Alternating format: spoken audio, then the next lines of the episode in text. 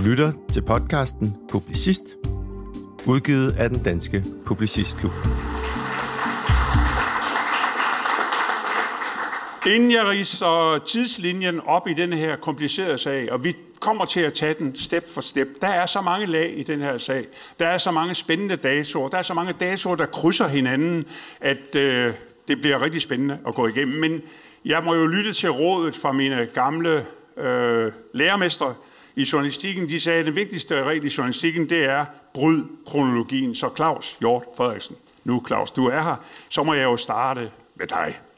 Du langer eftertrykkeligt ud efter regeringen, og du har skærpet det i dag i BT, øh, at de har sendt sms'er fra lukkede retsmøder blandt andet. Men hvordan kunne du, som jo er en ægte gammel rotte i dansk politik, du har båret Uffe Ellemann, du har fået Anders Fogh Rasmussen ind under et systemskifte i statsministeriet, du har været, øh, du har været finansminister, du har været beskæftigelsesminister, du har været forsvarsminister. Hvordan kunne du så erfaren, gå ind og sidde og dumme dig i lippert og udlevere hemmelige, landskadelige oplysninger?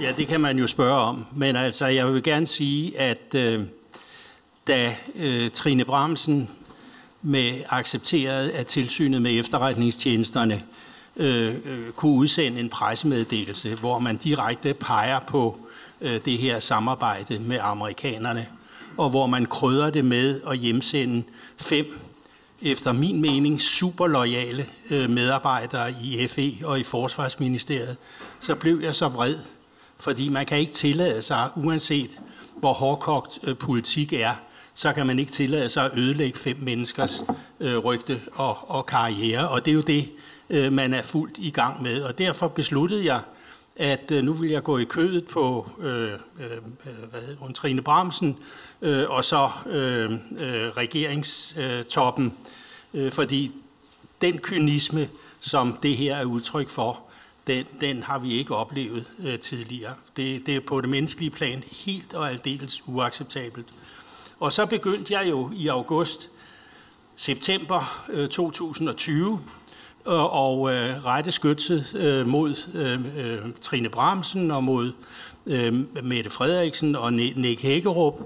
Øh, og øh, så er der mange, der har spurgt, øh, kunne du ikke have gjort det på en anden måde? Men det, der er det særlige ved den her sag, det er jo, at alting er hemmeligt.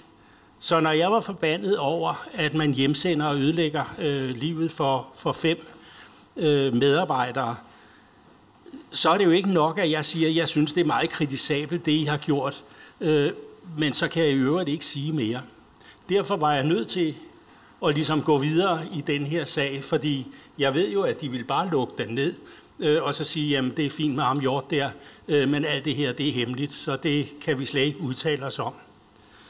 Så kørte den kritik jo øh, fra august-september øh, 2020, den kørte jo så ind til december øh, sidste år, altså i, i, i, i december måned 21, øh, hvor så hammeren falder. Øh, til synlædende har FE ikke, øh, eller øh, PET jo fra august 2020 øh, og så øh, til 21 interesseret sig for den her sag, hvor man skulle tro, at hvis de synes, jeg var gået for langt, at de ville have givet mig et præg om, at nu skal du lige øh, passe på. Men man gjorde ingenting. Øh, og øh, det fører mig til, da jeg så ser nu, hvad min sag indeholder. Og øh, den sag indeholder avisartikler. Udskrift af en podcast med, med øh, Martin Krasnik, et interview i Deadline, og så den, du nævner her, øh, øh, Libert. Øh, og det første papir, der findes i min sag, det er dateret 17. december 2021. Jeg var i Liber den 15. december. Den 20. december møder, møder der to politibetjente op på min mod, øh, bogpæl. Men det første parti, papir, det er dateret 17. december. Og det siger mig, at da Øh, PETs arbejdsmetoder og FE's arbejdsmetoder vil være at undersøge en sag og så komme med en indstilling til ledelsen om, at her bør man så øh, rejse øh, en sigtelse, at alt det der, det findes ikke. Men det kan, betyder kun, at der er kommet en ordre ovenfra i, jeg ved ikke, i affekt eller et eller andet. Nu gider jeg fandme ikke høre mere på ham, øh, ham Hjort. Øh, og øh, så begynder øh, sagen øh, at køre. Og det er sådan set, øh, hvad kan man sige, øh, starten på det. Men for mig er det meget vigtigt at sige, at jeg har jo aldrig røbet noget om FE's øh, arbejdsmetoder, FE's kilder eller noget som helst, før regeringen beslutter øh, at lade tilsynet øh, udsende den her pressemeddelelse øh, om, om, om det hele, og den selv sætter øh, spot på det. Og jeg har så udtalt mig som politiker. Jeg har ikke rendt rundt og lægget hemmeligheder. Øh, jeg tror også, at jeg og min advokat, vi kan påvise, at alt, hvad, der, hvad jeg har sagt, det har stået til overflod i, i, i, i aviserne igennem årene. Og så er der jo det, at fordi en myndighed klassificerer noget som hemmeligt, så er det jo ikke en, sikkert, at det er en hemmelighed i juridisk forstand. Altså, øh, de har jo det stempel der medarbejderne, så kan de skrive, øh, komme med eller en eller anden klassifikation, men det gør det altså ikke til en statshemmelighed øh, at, øh, af den grund. Tak for den her gode start, Claus Hjort Frederiksen. Og det var jo det punkt, vi nu skal tilbage til august øh, 2020, som du nævner, så arbejder vi os frem mod det, som vi kalder krokodillenæb-interviewet, øh, som jo er en af hovedscenerne i det her drama, som har så mange lag, og som hvis det skulle være en kriminalroman, så tror jeg, at man skal op og overgå Jan Guillou, som plejer at skrive 10 bind. Jeg tror, øh, vi kan komme langt længere op, hvis man skal have alle de lag. Der er politiske lag, der er efterretningslag, der er mediemæssige lag, der er alt muligt i den her sag. Og nu vil vi stille og roligt arbejde os frem, så I alle kan følge med i øh, det her kæmpe og mest, meget, meget spændende. Altså, det er jo et manuskript, der ville blive kasseret på Filminstituttet, hvis man gik over med det og sagde, at vi vil gerne lave en film, hvor de går sådan og sådan, så ville de jo sige med det samme, det der det er fuldstændig vanvittigt. Det er sgu ikke nogen, der gider at se. Men sådan er virkeligheden. Virkeligheden overholder alt. Vi går tilbage, som du nævner, øh, den 21. august. Der bliver der hjemsendt chefer fra Forsvarets efterretningstjeneste og fra PET. Og øh, det ved vi andre jo egentlig først den 24. august, hvor der blev udsendt en pressemeddelelse, at øh, tilsynet med efterretningstjenesterne tæt har modtaget materiale fra en eller flere whistleblower. Den 24. august 2020, Morten Skjoldager, der kom en pressemeddelelse. Hvad gjorde du så? Og der er lyd i den. Jeg kan ikke huske, om det var den 24. Jeg tror faktisk også, det var den 21. vi fik det at vide. Men øhm, ikke at det det afgørende. Altså, men der kommer en pressemeddelelse om, at øh, tilsynet med efterretningstjenesten retter en fuldstændig øh, historisk hård kritik mod den daværende ledelse i FE og nogle navngivende medarbejdere, som bliver hjemsendt fra ledelsen, og det er altså hele topledelsen i FE, der bliver sendt hjem. Og øh, hvordan reagerer vi på det på en avis som politikken? Jamen det gør vi jo på den måde, at vi synes, det er enormt opsigtsvækkende og en kæmpe stor historie, som vi selvfølgelig skal dække så godt vi nu kan. Øhm, og det gjorde vi helt konkret på den måde, at vi øh, samlede en gruppe medarbejdere, der har beskæftiget sig med efterretningstjenester, satte os ind i et lokale og talte om, hvad er det, der står i den her pressemeddelelse fra tilsynet med efterretningstjenesterne. Og øh, der stod jo ikke direkte de tre bogstaver NSA i den øh, pressemeddelelse, men det ændrede ikke på, at vi allerede det første møde, vi havde, talte om, at det stod med flammeskrift på den her pressemeddelelse, at det handlede om NSA. Og samarbejdet med amerikanerne, som jo heller ikke var ukendt, som har været beskrevet gennem årene. Og så gik vi jo bare øh, fuldstændig klassisk i gang med at kigge på de her anklager, som tilsynet rettede mod, den, øh, mod ledelsen i FE øh, for nogle meget, meget grove forhold og ulovligheder og brugte så de kommende mange måneder på at prøve at afdække så godt vi nu kunne, jamen hvad er det egentlig, de mener, hvad ligger der bag de her anklagepunkter? Ja, giv mikrofonen videre til Trine Marie Elsø. I møder jo i den presmeddelelse udtryk som uhensigtsmæssig legalitetskultur. Øh, det leder jo tanken ind på øh, Herlufsholm, men det her det er bare endnu mere alvorligt. Øh, en ledelse, som har spioneret mod tilsynet, det er meget favorit. Hvad, hvad gør I ude i Danmarks Radio? Jamen, vi gør jo i princippet det samme, som man har gjort på politikken. Altså, jeg, har, jeg tror, det jeg har brugt som at beskrive den pressemeddelelse, det var, det var jo lidt en spiseseddel til medierne. De ting, der stod i dem, var jo så voldsomme og så alvorlige, så vi havde jo en pligt som journalister til at forsøge, hvad var det egentlig, der lå under de her anklagepunkter, som jo følger altså en pressemeddelelse, der er hvad, fire sider lang. Øhm, så i princippet gjorde vi det samme som politik.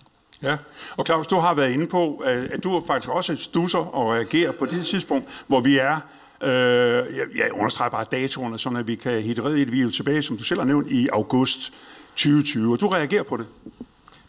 Ja, det gør jeg, fordi jeg kender jo de fem øh, medarbejdere, der øh, blev øh, hjemsendt øh, fra deres arbejdspladser. Og, og de har, dem har jeg jo arbejdet sammen med i flere år. Det er jo super lojale øh, medarbejdere. Lars Finsen har jo været Øh, departementchef i Forsvarsministeriet. Han har været chef for PET. Øh, han var så øh, på det tidspunkt jo chef for FE, altså en mand, som, som har videt sit liv øh, til øh, øh, loyalitet over for, for den danske stat. Min tidligere departementchef, øh, Thomas Arnkiel, øh, som tilsvarende har været chef for, for øh, FE, og øh, på det tidspunkt jo departementschef øh, for, øh, for øh, Forsvarsministeriet. Øh, der var en general, der stod for kontakten med øh, amerikanerne, og så to, to jurister. Altså, øh, og min vrede øh, skyldtes altså, at, at øh, man kunne tillade sig øh, og, behandle øh, fem medarbejdere øh, på den måde. Fordi jeg vidste jo, at for Trine Bramsen, der var det at vise handlekraft. Det var ligesom et adelsmærke. Det havde vi jo set ved andre øh, stillinger i forsvaret, hvor øh, de blev fyret og hjemsendt og kørt, kørt rundt, ikke også? Fordi hun skulle vise, hvem der bestemte her i, i butikken. Og det har jeg bare besluttet, det, det vil jeg ikke bøje nakken for. Jeg ved da godt, det nemmeste havde været at sige, okay, altså det er det, det har jeg ingen ansvar for. Men man har trods alt et, et, et menneskeligt, øh, øh, hens, eller menneskelige hensyn øh, at tage. Og, og det var drivkraften i den sag. Vi, offentligheden, ved jo ikke på det tidspunkt, hvad indholdet er. Man kan sige, hvis, det var, hvis vi var i en klasse, hvor en fremmed magt havde været en mand som Lars Finsen, tidligere departementchef, petchef, FE-chef, så er det jo en guldklump for Putin og hans øh, netværk, hvis det var det, der var talt. Vi ved det jo egentlig ikke på det tidspunkt. Men hvad finder I ud af? For nu kører vi hen over efteråret, inden det næste det sker i, i december. Hvad, hvad finder I ud af? Ja, altså, og I forstået som øh, medierne bredt, ja, fordi øh, jamen, medierne får jo, får jo afdækket, at den pressemeddelelse handler om det danske samarbejde med NSA, som vi også troede fra starten. Men også mere detaljeret, at det handler om en, en whistleblower, som har tidligere været ansat i FE, som er gået til tilsynet med de her oplysninger om det, han opfatter som ulovligheder.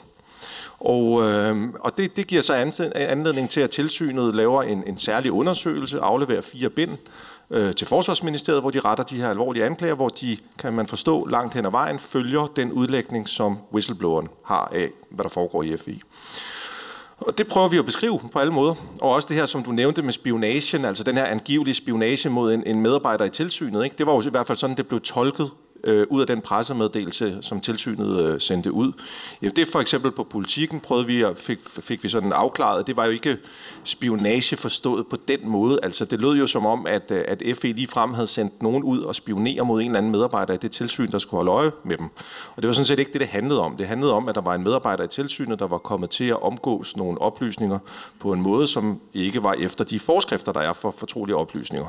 Og i den forbindelse, så var det noget, der blev diskuteret mellem FE FE-medarbejdere og blev sagt til en FE-medarbejder, som ikke måtte vide det. Men det var altså ikke noget med, man havde spioneret i. Og alle den slags ting prøvede vi bare at klarlægge, jamen hvad er det, der ligger bag de her anklager. I skriver og skriver, skrivemaskinerne, jeg ved godt, I ikke har dem, de klapper på rådspladsen, ude i Danmarks Radio, pusser man krystalapparaterne af, I sender, I sender og I fortæller, og så kommer vi frem til en handlekraftig mand, der foretager sådan noget den 20. december 2020. En mand, der er så handlekraftig, at han nu har skiftet job, og er blevet chef for samtlige danske fredagsbarer, men han er på det tidspunkt justitsminister. Han nedsætter... Jamen, det er sådan, det er. Det er bare, jeg farver det bare, men det, det, det, det er sådan, det er. Nick Hækkerup, handlingens mand, nedsætter en kommission, der skal undersøge, var der grundlag for at hjemsende disse chefer. Det er vel for så vidt altid godt, også for os journalister, at der er nogen, der vil undersøge noget. Øh, Trine? Ja, men, men det var jo også en meget hemmelig kommission. Altså det var en kommission, hvor vi end ikke måtte få kommissoriet at vide. Vi måtte ikke få at vide, øh, hvad det var. øh, de reelt skulle undersøge. Så det gjorde jo ikke, at journalisterne på de forskellige medier de stoppede med at undersøge, hvad det var, øh, der lå til grund for, at fem ledende medarbejdere var sendt hjem. Så man kan sige, den afdækning, den fortsatte jo så også ind i, i hvert fald i, øh, i foråret øh, 2021. Og så kan man sige, for sommeren så forstummede det lidt, øh, og, så, øh, og så gik man jo og ventede på, øh, på, hvad kommissionen kom frem til. Ja, og lad os tage, det, øh, lad os tage frem til det øh, punkt, fordi øh, der sker det, at kommissionen øh, kommer med en beretning et år senere, den 13. december, og det kan jeg godt sige, den beretning siger, at der er overhovedet ikke noget at komme efter. Der er ikke noget, og, og, og man belaster, der, der er ikke noget at sige på de chefer, der er hjemsendt. Det får offentligheden at vide den 13. december. Men det, der er interessant, er jo, og det er jo den timing, der er i hele den her historie, det er fem dage før, der bliver fire chefer, eller fire medarbejdere, fængslet. Og jeg ser for mig den 8. december, Lars Finsen ankommer tror jeg, fra udlandet. Jeg ved det ikke, men han kommer i lufthavnen. Det er spækket med mænd i cotton coats og aviser, de kan kigge igennem. De har øresnegle i ørerne. De har Apple Watches. For og objektet er ankommet, går gennem paskontrollen. Han er i sort, afslappet tøj. Slinterne gang, han aner ikke uråd. Vi anbefaler, at position B griber ind. Værsgo, værsgo, kom så, drenge, vi ruller. Og så bliver han... Jamen, jeg, jeg tror, det foregår sådan. Øh, og spændende øh, modlys, paskontrol, kommer igennem, er inde i landet, haps, arresteret, fængslet og hævet ind øh, et sted. Jeg ved jo egentlig ikke, hvor det er, han bliver hævet ind. Øh, det har heller ikke nogen afgørende betydning. Han og andre bliver fængslet og øh, kommer i øh, grundlovsforhør dagen efter. Og så, vågner, så er I jo super vågne. Ja, altså der er jo bare det, at øh, uh, PT udsender den her pressemeddelelse om, at de har anholdt fire medarbejdere, nuværende og tidligere medarbejdere i FE og PT. Øhm, der ved vi jo ikke, hvem det er. Nej. Øh, på det tidspunkt, der er øh, det samme dag, som der er afhøring i Mink-kommissionen, hvor Mette Frederiksen afgiver forklaring. Øhm, da vi får den her pressemeddelelse, jeg står nede og kigger på nogle af de her klinke-klonke-typer, så er vi jo mange, der løber direkte over til Københavns Byret. Det tager lang tid, inden vi kan overhovedet kan få afklaret, om der er et grundlovsforhør i gang. Øh, I løbet af dagen, så finder vi via sådan bagomkilder, får vi at vide, at det er tre af de fire medarbejdere, der er blevet fremstillet i grundlovsforhør. Og så står vi ellers der, en masse journalister hele eftermiddagen, øh, og det styrt regner. Øh, vi står og joker lidt med, hvem det kan være. Vi øh, tænker blandt andet, om det kan være Lars Finsten, men tænker så samtidig, at ah, hans advokat sidder jo nede i min kommissionen, og bisidder for Mette Frederiksen, så det er næppe ham.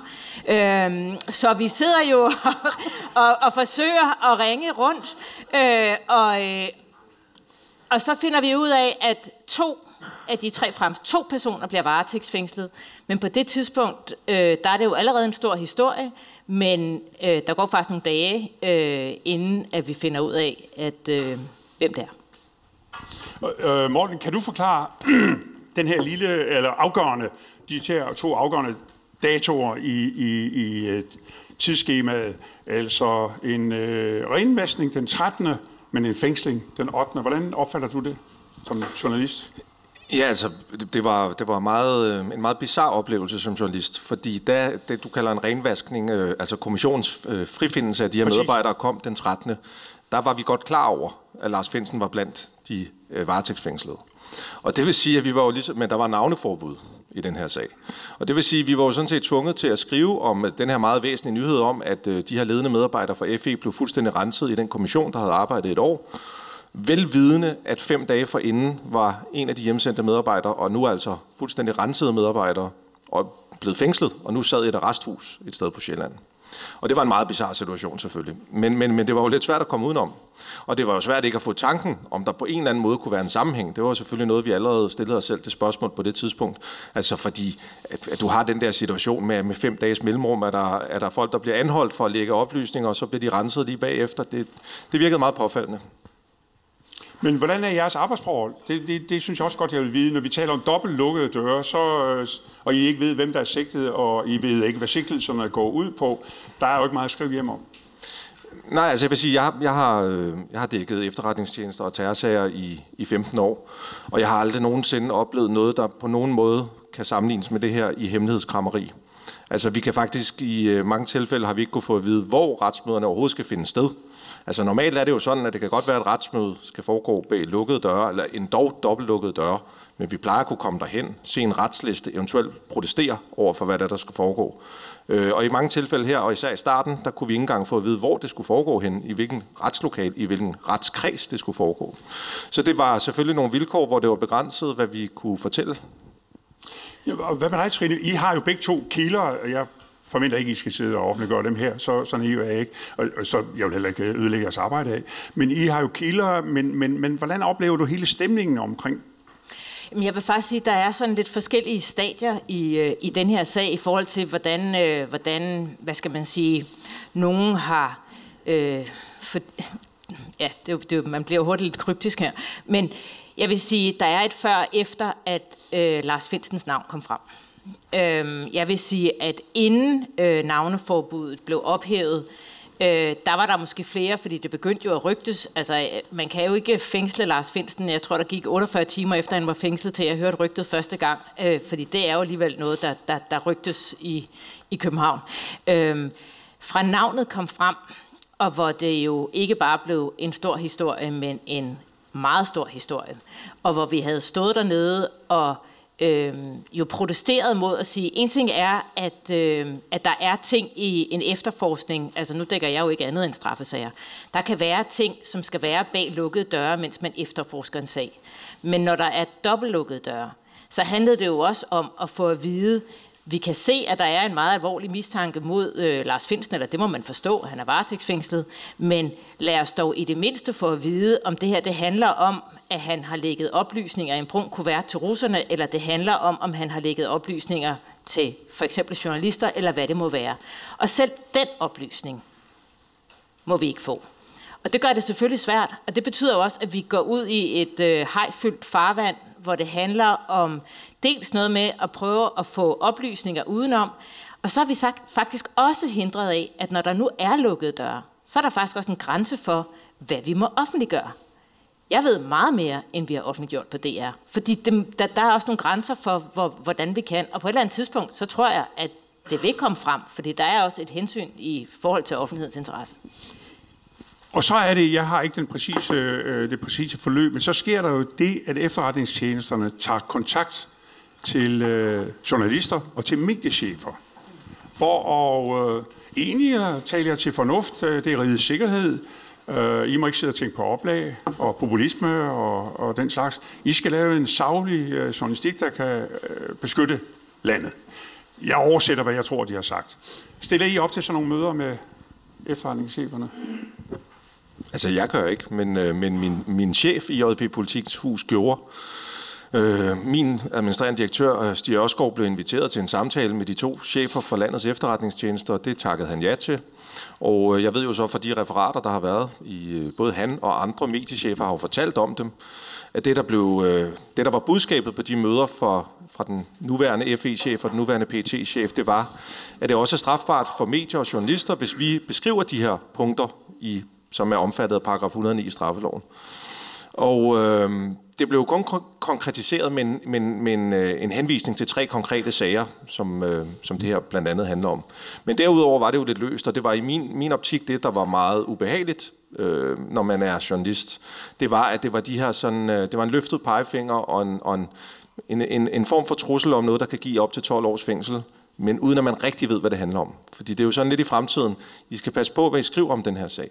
Så på den ene side står vi jo der og mener, jeg er fuldstændig enig med Trine, at når du har fem efterretningschefer, som har været hjemsendt, når du har fire, der har været anholdt, og, og en tidligere forsvarsminister, der også er sigtet efter så alvorlige paragrafer, så er det i allerhøjeste grad vores opgave og i offentlighedens interesse at beskrive, hvad er det, det handler om. Men samtidig har du to efterretningschefer, der har været ude at meddele, en chef, at det kan altså være strafbart, og man skal lige passe på, at man ikke går for langt i beskrivelsen af, hvad det handler om. Det er jo meget tydeligt signal. Hvad er ude i Danmarks Radio, og jeg siger bare, der er jo eksempler øh, ved coronaens start, at man ringer fra Kulturministeriet og siger, at man skal sende alle medarbejdere hjem, og så klapper man hele ned i ledelsen i Danmarks Radio. Øh, hvordan tager Danmarks Radio det pres? Hvordan oplever du det?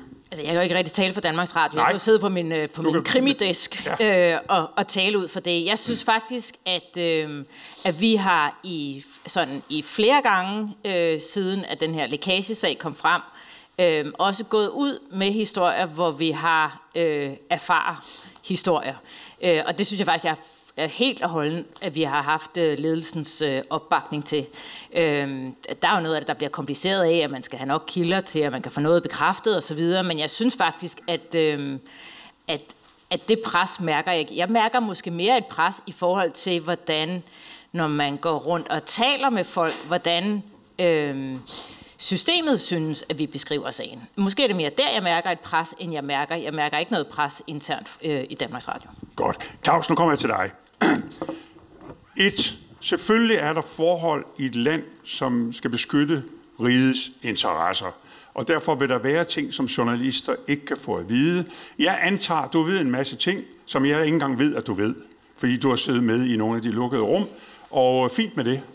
Øh, jeg har ikke noget at kritisere jeres regeringsførelse på det område. Jeg kan godt finde nogle andre, men det har ikke noget med det, med det i dag. Nej, det behøver jeg ikke. Øh, så du ved, øh, du sidder jo ikke med i de rum nu, men du ved godt, hvad der foregår. Jeg vil sige, hvis du nu havde siddet som forsvarsminister med sådan en type sag, øh, vil du så interessere dig for den, og vil øh, din chef, Lars Løkke Rasmussen, interessere sig for, hvordan du fandt på at håndtere det? Det tror jeg godt, jeg kan forsikre dig om. Altså, men lad mig lige sige omkring den måde, som øh, PET har ageret i den her sag. Det er jeg faktisk også meget chokeret over. For alle, øh, der er involveret, kender Lars Finsen øh, og ved, at han ikke render og skyder eller render og slår folk ned. Og derfor synes jeg, at det er ekstremt krænkende at blive anholdt i ankomsthallen ude i lufthavnen af øh, bevæbnet, øh, den bevæbnede indsatsstyrke og ført, og ført igennem, øh, ført igennem øh, ankomsthallen og næste dag blive fremstillet i byretten med maskinpistol bevæbnede folk, både indenfor og udenfor. Og, og øh, jeg er faktisk helt chokeret over, at sådan noget kunne foregå, fordi man kunne lige så godt ringe til Lars Finsen næste dag, efter han var kommet hjem og sige, Lars, ved du hvad, vi har noget, vi vil snakke med dig om.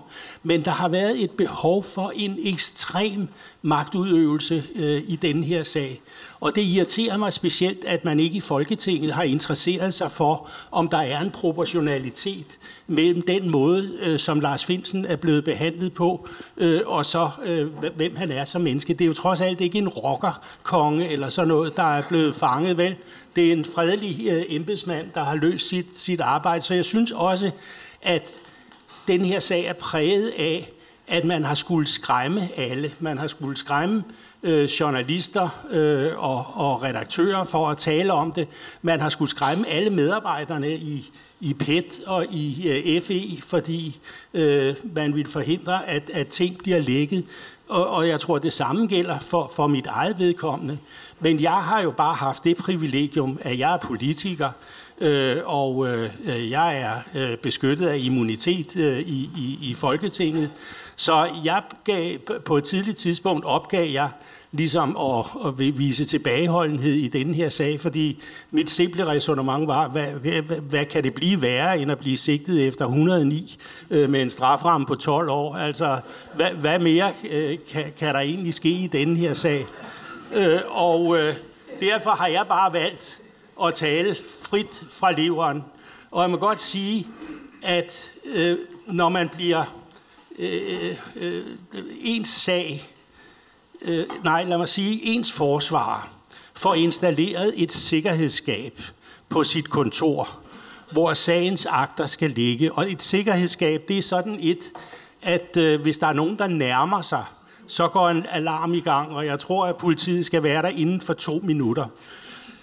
Der gik jo 42 dage fra, at jeg blev sigtet, til jeg fik forelagt, Øh, hvad er egentlig materialet øh, i denne her sag. Og spændt var jeg jo, da det skab var installeret, og øh, en, øh, øh forsvaren, som han kunne så en kode, så jeg kunne få det frem, og så kom der sådan en sag, og, og det var avisudklip. Altså, øh, og, og efterforskningen i min sag, det har, betyd, det har øh, øh, været øh, nogle medarbejdere, der har siddet i Infomedia øh, øh, og, og, og slået op, øh, hvad, der, hvad der egentlig er øh, i den her sag. Øh, og det, øh, det så jeg så, og så havde jeg det behov som du siger. Altså, det fremstod jo også som mig, at jeg kunne have solgt hemmelige dokumenter til russerne. Øh, og derfor havde jeg jo et desperat behov for at forklare hele verden, at det handlede om nogle interviews, og det handlede om nogle øh, øh, øh, øh avis, øh, avisartikler. Derfor øh, gik jeg i gang. Men jeg, altså, jeg, det, det piner mig lidt det her, fordi jeg har jo altid været øh, glad for FE og for PET, øh, og øh, øh, har jo været en del af, af det. Øh, og derfor fremstår jeg som en øh, altså den største kritiker af, af, af PET, men det er jo ikke der, jeg vil rette øh, min, min kritik, fordi jeg mener helt klart, at det her er politisk. Det er startet øh, politisk. Øh, PET har fået ordre til øh, at, at rejse sikkelser øh, i, i denne her sag, øh, og, og det er ligesom øh, udgangspunktet øh, for det. Altså, øh, jeg har så også set den endelige sag. Altså, nu er efterforskningen så endelig færdig. Og den består af de samme avisartikler. Øh, fordi min forsvarer, han måtte jo bede om, at øh, PET kom og hentede det her øh, sikkerhedsskab, fordi han kunne ikke få gjort rent på sit kontor. øh, så så øh, de havde nogle, øh, de har vist nogle rengøringsfolk fra Filippinerne eller sådan et eller andet sted, og de har bygget barrikader øh, uden for hans dør, øh, fordi hvis de bare går ind, så går den alarm øh, i gang. Så bad han om, at det blev fjernet, men så kom der to nye dokumenter, så skulle han jo have det der skab installeret igen. Altså det, øh, jeg ved ikke, hvad jeg mener om det. Udover at der bliver holdt møder med mediechefer og med, forsøgt møder med journalister, så læser jeg også et sted, at øh, den handlingskraftige Nick Hækkerup, han ringer til din formand, Jacob Ellemann, og jeg, det er nok efter, jeg ved det ikke præcis, men det ved du, det er nok efter krokodille med øh, interviewet, og så ringer han, jamen det er det, du laver hos øh, Libert, Nå, men, nå, men det har jeg døbt det, fordi det, man får den der beskrivelse af, at de sætter krokodillenæb på, og de kan, de kan skelne mellem IP-adresser. Det synes jeg er sådan favorit. Vi har et internet, der kommer ind ude fra kysten. Det er passeret... Ja, og, og, og alt det der, det er beskrevet i de der Fuldstændig. informationsblade, som ja. FE øh, udgiver. Altså, ja jeg, jeg giver den ikke fra mig. Det, det, det er sådan nogle tricks, øh, jeg er nødt til at, jeg er nødt til at bruge. Men, men, men jeg får det indtryk af, at, at Nick Hagerup ringer til Jacob Ellemann og, og vil have lidt styr på sagerne.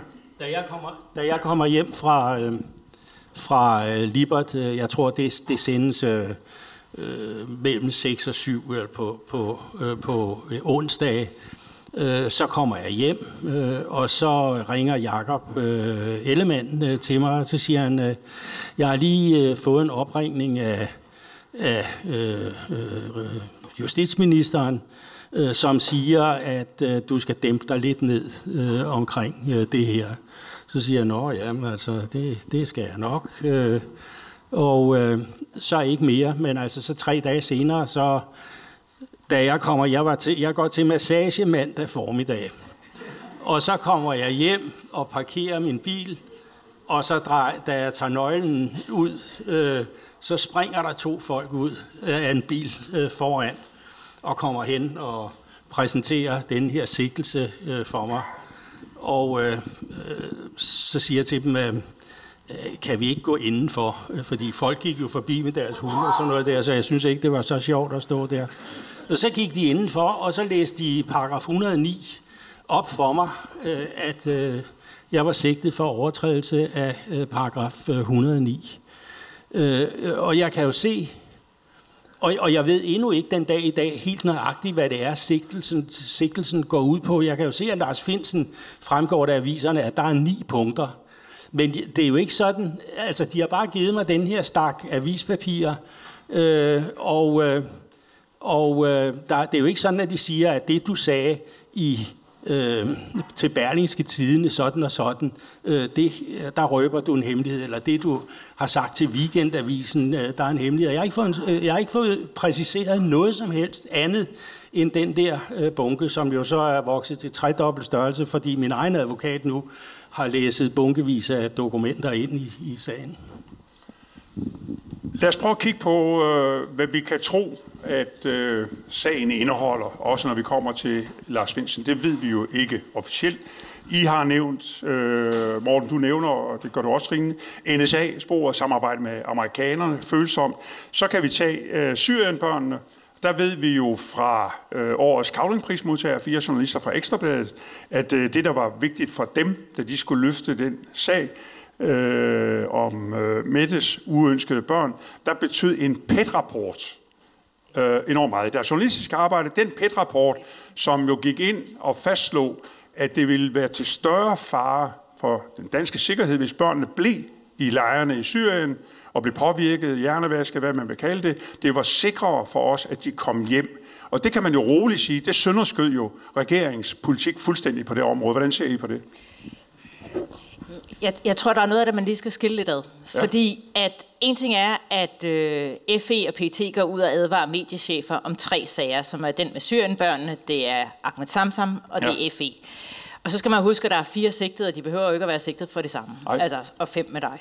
Øhm, og så er det klart, så er Claus Hjort Frederiksen kommet oveni, og øh, jeg ved godt, du, jeg ved jo ikke, hvad der er op og ned, og jeg forholder mig jo ikke til, hvad du har gjort, og hvad du ikke må have gjort, men, men en tanke kunne jo også være, at når du er sigtet, så handler det om, at hvis man ikke havde sigtet Claus Hjort Frederiksen, så er der måske nogle andre, hvor det kan være svært at rejse tiltale mod, fordi det kunne godt være, at der var et sammenfald. Øhm, der er jo rigtig meget af det, der er gætværk, fordi det kan godt være, at din den fylder sådan her, og vi ved jo ikke, hvor meget øh, Lars Finsens sag fylder, men vi har jo kunne se, fordi de har jo sørget for, at det kan godt være, at der har været dobbeltlukkede døre, men de har kørt de der metalkasser forbi os, så vi kunne se, at det i hvert fald så ud som om, at det er noget, der fylder rigtig meget. Vi ved jo ikke, hvad der er nede i de kasser. Nej, men... Men, men... men vi har måske en idé, og der er noget af det, som, øh, som... Det er jo i hvert fald nok ikke svært at få den tanke, at noget af det kunne handle om, om FE-sagen. Men, men det er klart, at det er jo ikke noget... Øh, Nej, det ved jeg ikke. Men, men jeg, jeg kan jo alligevel godt lide at dyrke det. Jeg, jeg tænker jo i et lidt ledende spørgsmål. Nu har jeg erkendt det. Øh, der er mange få, meget få tilståelser i den her sag, men jeg tilstår det et ledende spørgsmål. Syriens børnene, handler det ikke mere om regeringens sikkerhed, end om rigets sikkerhed? Er det ikke mere ubekvemt for regeringen, end det var for riget, altså for folk i Varde, Næksø og på Langland, at den rapport kom frem? Det væltede vel ikke brusen i Rudkøbing. Og man kan i hvert fald sige, at det kan ikke være under paragraf 109 i straffeloven. Altså, det kan jo ikke være en statshemmelighed. Øh, det er jo, øh, fordi regeringen var sure over, øh, at den kom ud, den rapport, fordi den var politisk skadelig for, for regeringen. Og det samme gælder Samsam. Altså, jeg nægter at tro, at man vil kunne blive anklaget efter straflovens paragraf 109 for at have lægget en rapport om Syriens Morten? Jo, men jeg, jeg vil bare, altså, det jo, har jo lidt en politisk karakter, det du spørger om, kan man vist roligt sige. Ja, det er rigtigt. Det er rigtigt. Øh, jeg, jeg vil bare sige i hvert fald, at øh, jeg, jeg vil hellere kigge på det fra vores perspektiv, altså som medier. Og der vil jeg sige, okay, de her efterretningschefer, de nævner tre konkrete sager, som må man forstå har noget at gøre med anklagerne mod de fire efterretningsfolk, som har været anholdt. Og det handler om Ahmed Samsam, som er en agent, for dem, der ikke ved det, som øh, ifølge Berlinske og Danmarks Radio har han arbejdet som agent for PET og FE, men er efterfølgende blevet dømt som terrorist, uden at danske myndigheder greb ind. Så er det, som du siger, børnene i syriske lejre, og så er det samarbejdet med NSA om kabeltapning. Og der bliver jeg bare nødt til at sige, at fra et publicistisk synspunkt, så mener jeg, at alle tre sager i allerhøjeste grad er i offentlighedens interesse. Jeg mener, det er i offentlighedens interesse. Jeg mener nærmest, der er et krav på at vide, hvis vores efterretningstjenester, som det var tilfældet, har en vurdering af, at det sikreste er at tage de her børn hjem fra lejrene i Syrien, så synes jeg, at befolkningen har krav på at få det at vide. Jeg synes også, at det er, at offentligheden har krav på at vide, hvis en agent for FE og PT er blevet brændt af af danske myndigheder og sidder og rådner op i et fængsel, og egentlig ikke burde gøre det. Og jeg synes også, at samarbejdet om masseovervågning øh, øh, med NSA har offentlighedens interesse. Så jeg vil bare sige sådan, ud fra et publicistisk synspunkt, så ved jeg ikke, så, så, så, kan, så kan det godt være, at regeringen eller andre måtte have et, et, et synspunkt om, at det også er skadeligt for deres politik. Det er jeg sådan set ligeglad med. Jeg mener bare, at, at folk ude i Danmark har krav på at få, få indsigt i det her. Lad os tage uh, Ahmed Samsam, altså, som jo har otte års uh, fængsel, dømt i Spanien. Han er blevet uh, udleveret til, til Danmark uh, og sidder i Endermark fængsel. Det er jo der, han får besøg på et tidspunkt af to, der uh, kommer ind i fængslet. De skal ikke skrive sig ind med fuldt navn. Uh, de kan nøjes med og Fred, Mads og Frederik. Og de har 10.000 kroner med til Samsam.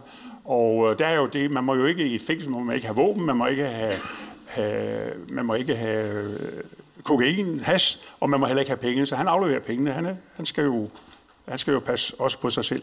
Men i dag er det jo så blevet endnu mere super aktuelt, fordi Ahmed Samsam optræder i podcast i Berlingske og i Danmarks Radio, en af dine kolleger, øh, hvor han fortæller, at han var blevet stillet i udsigt, at han kunne få 3 millioner kroner, 200.000 kroner på stedet, og så 15.000 kroner om måneden i en periode. Der vil man prøve at lukke den sag, hvor, som Morten Scholler siger, han måske var blevet brændt af. Man har svigtet en mand, man har brugt, og, men, men så vil man prøve. Det er, jo, det er jo ret opsigtsvækkende interviews, der bliver lavet der.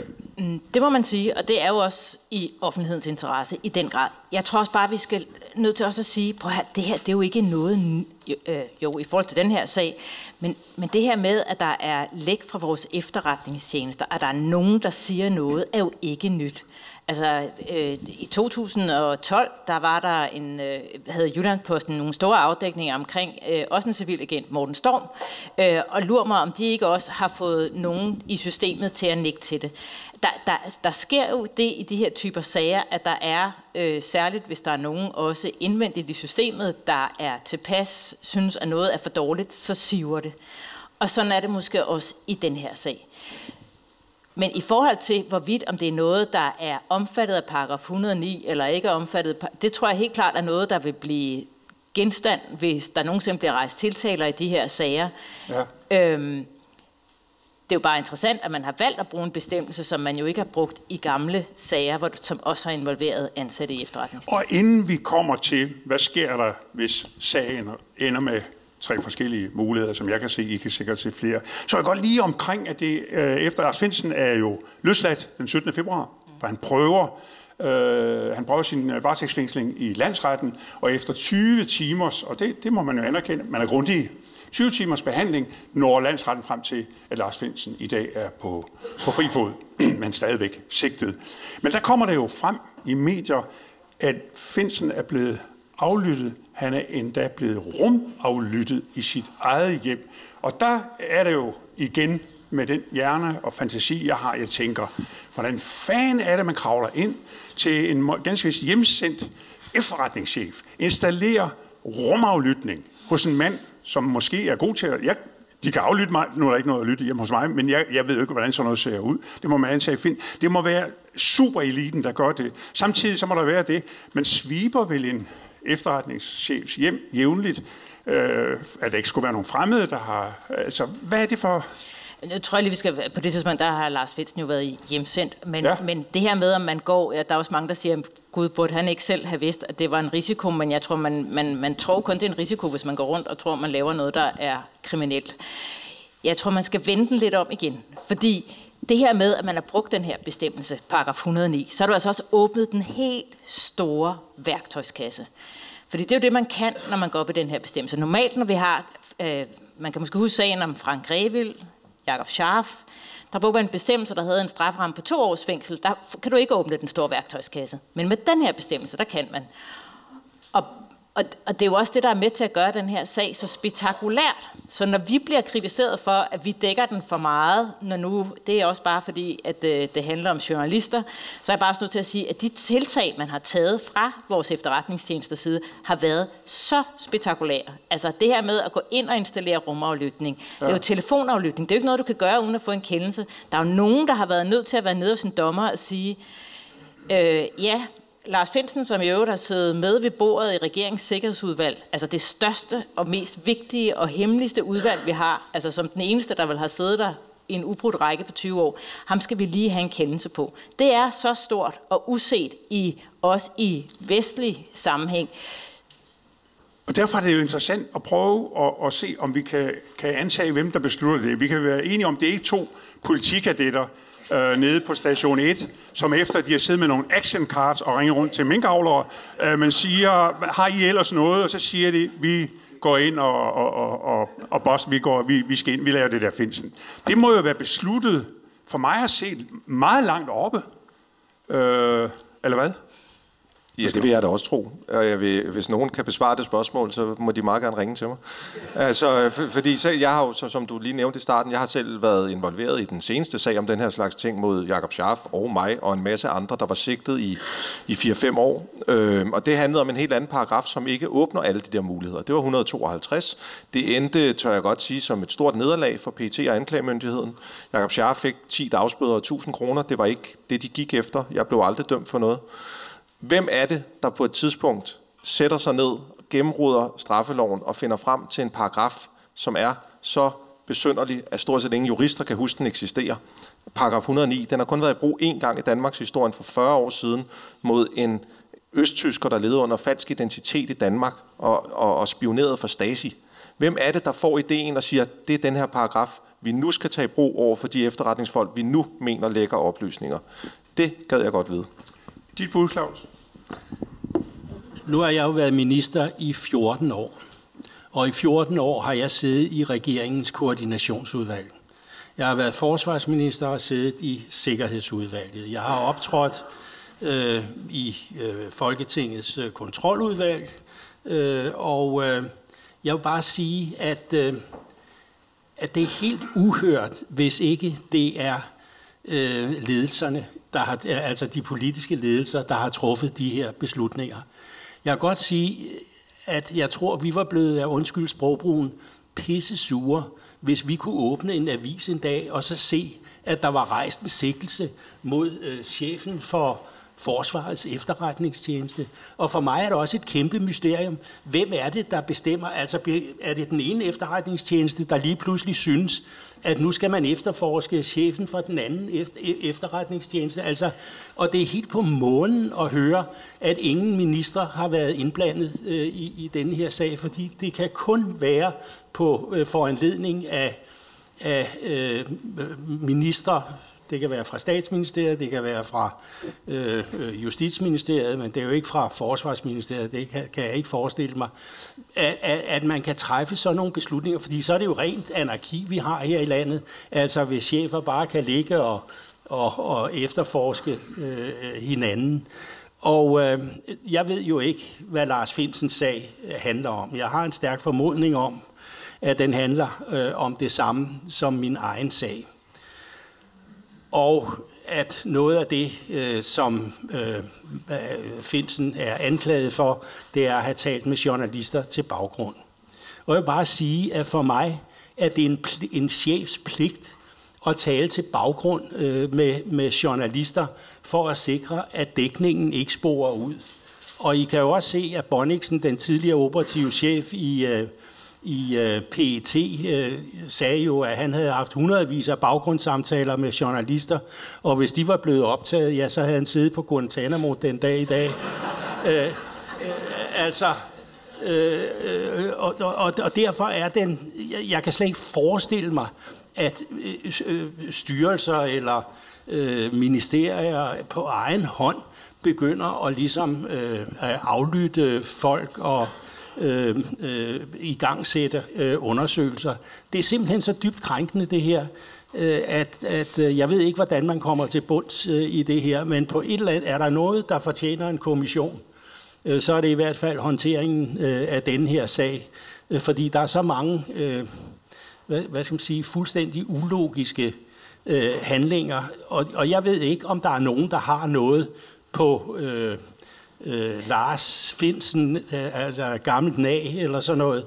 Men øh, det virker jo lidt i den retning, at, øh, at øh, denne her behandling skal være særlig hårdhændet øh, over for Lars Finsen. Ja, Trine? Nej, jeg bare lige, det er bare lige, fordi nu er der jo ikke nogen for anklagemyndigheden. Og, øh, altså, øh, og jeg er jo, nej, det kan jo selvfølgelig godt være, det ved vi ikke, hej. Øhm, men og, og jeg må jo ikke mene noget i modsætning til dig, fordi jeg skal jo også kunne dække, hvis der eventuelt bliver rejst en tiltale en dag. Men jeg synes bare lige, man skal lige huske at sige, der er jo ikke noget besynderligt i, at hverken... Øh, vi ved jo, at justitsministeren har sagt, at han var orienteret, han har også sagt, at han er orienteret opad. Og det skal han jo sådan set. Altså det står jo sådan set også i PT-loven. Så det, der er jo ikke noget i det. Han har øh, også sagt, at der er vant til det skotter mellem ham og anklagemyndigheden. Og han har også sagt, at han fungerer som et gummistempel. Ja. Men det er bare for at sige, at, at, at de har jo sådan set erkendt, at de ved det. Øh, det, der selvfølgelig er interessant, og det er vi mange, øh, tror jeg, journalister, der forsøger at finde ud af lige nu, det er, hvor, hvor tæt øh, de har, øh, har været øh, på sagen, og hvor tæt de er blevet orienteret. Der har BT i hvert fald noget med nogle sms'er i dag, der i hvert fald kan tyde på, at det, at det er meget, meget tæt på. Ikke? Ja, der er sendt sms'er ned fra retten, øh, hvor der ikke har siddet nogen journalister, men der er altså blevet, kan man sige, offentliggjort. Hvis man sender sms'er fra et retsmøde, så er det jo en form for i hvert fald videre øh, information af noget, der foregår bag dobbelt, dobbeltlukkede døre. Eller hvad? Nej, det er det ikke. Ej, ej, fordi det er jo efter, der er truffet en kendelse. Ja. Ja. Øh, og, og jeg vil sige, at, at på samme måde, vi må ikke være til stede inde i lokalet, men, men der var en uh, kontaktdommer dernede, øh, Ja. Stavsbøl, som så også sørger for at ringe rundt til os andre. Vi vidste jo også, vi stod jo nede foran okay. I regnvejr og ventede på okay. svaret. så det, ja, det er bare fordi sms'er, det, det er jo noget, vi rigtig kigger på, ikke? Jo, bare, bare supplerende til, hvad Trine siger. Altså, jeg, jeg skal heller ikke sidde og have en holdning til, hvorvidt øh, Nick Hækkerup var et gummistempel.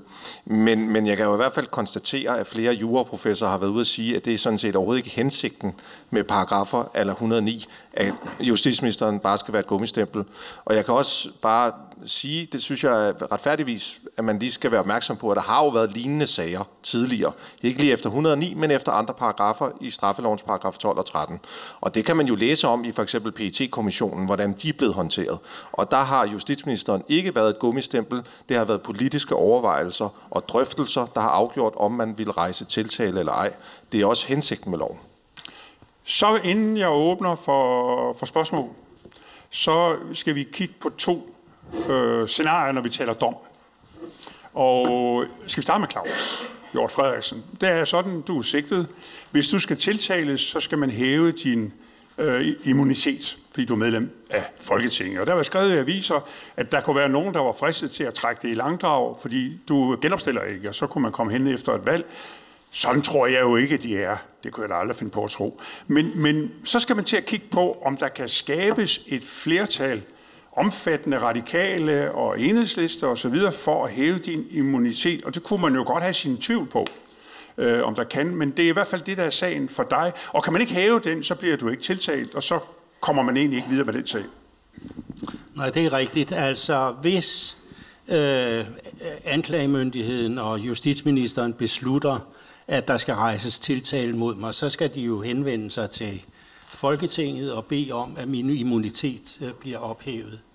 Der er jo så bare den vanskelighed ved det, at det er hemmeligt. Og det vil sige, at man kan ikke fortælle folketingsmedlemmerne, hvad det handler om. Og derfor diskuterer Folketinget, øh, hvordan kan man så, kan man orientere partiformændene, kan man orientere præsidiet eller øh, øh gruppeformænd, eller hvem det er. Øh, og øh, så skulle de så sige til deres grupper, tro mig, øh, det er fuldt fortjent, at der rejses øh, tiltale mod øh, Hjort Frederiksen, så det kan I bare stole på.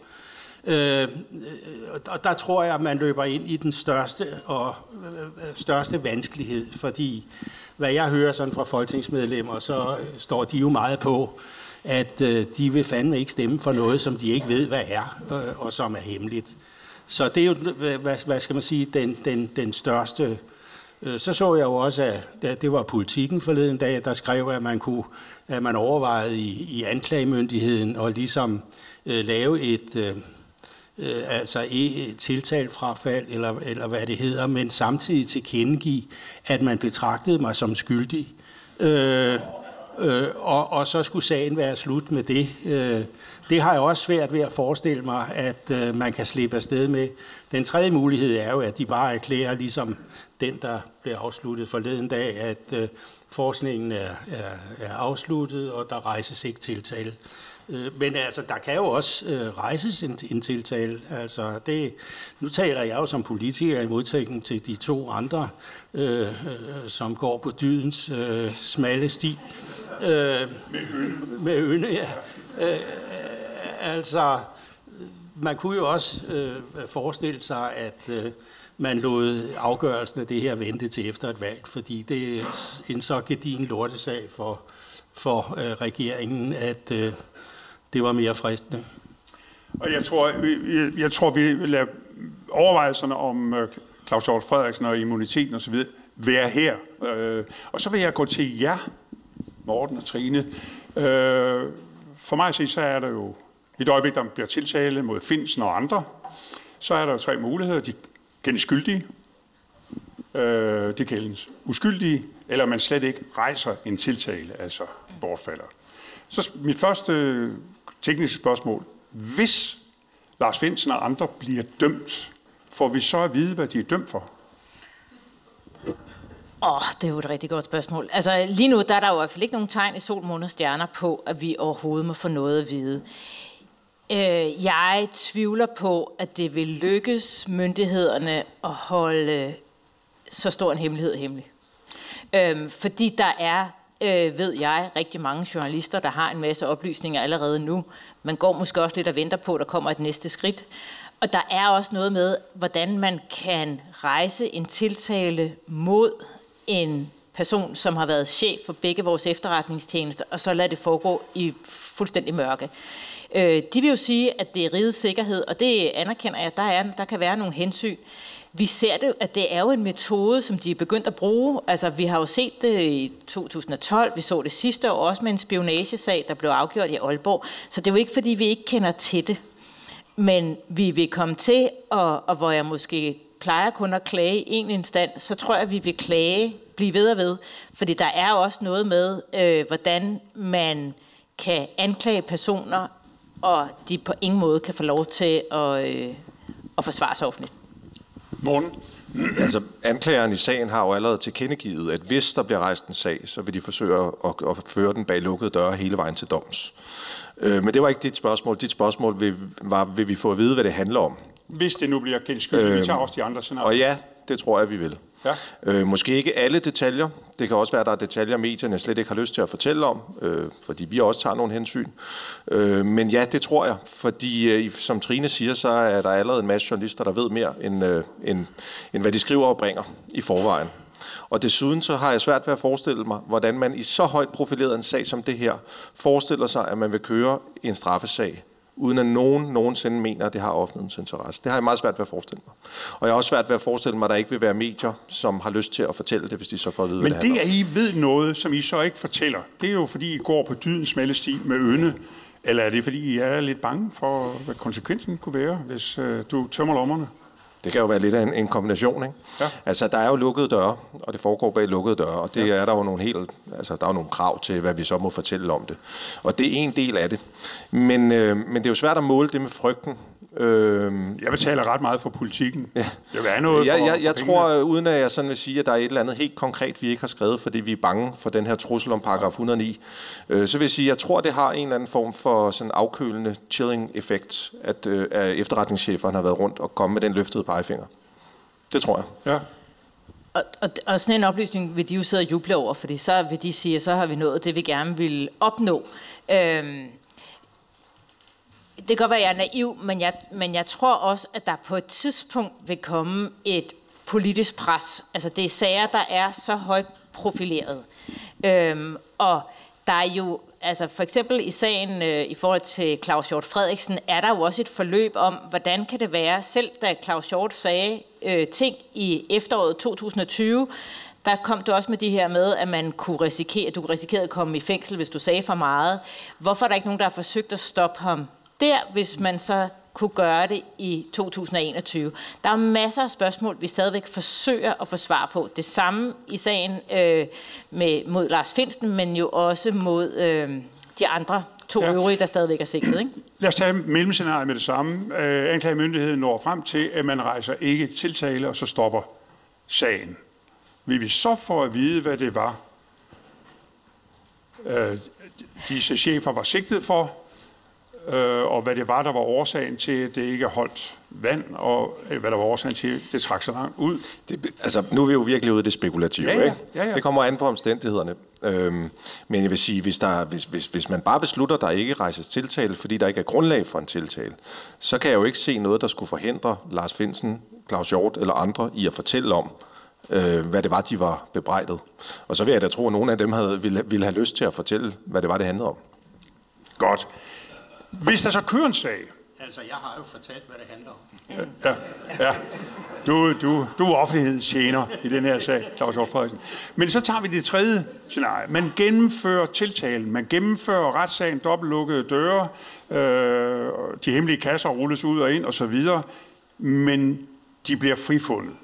Nu, nu siger så Lars Finsen, som ligesom er mest profileret, bliver frifundet. vil vi så få at vide, hvad det var, han ikke havde gjort? Det, det, det skal du spørge Lars Finsen om. Men øh, ja, det Har vil- han privilegiet, hvis i et han, han måtte være frifundet? Hvis han bliver frifundet, så må det jo af gode grunde, altså efter en retssag, så må det jo være fordi, at domstolene siger, at han ikke har røbet fortrolige oplysninger, og ikke har gjort sig skyldig Og så må han det. godt fortælle, hvad det er, han ikke ja, har det kan røbet. jeg ikke se, der skulle være noget som helst til hænder for. Nej. Okay. Interessant. Jeg siger tak til et, synes jeg, suverænt panel. Morten Skjoldager, Trine Marie Ilsø og Claus Hjort Frederiksen. Tak til jer.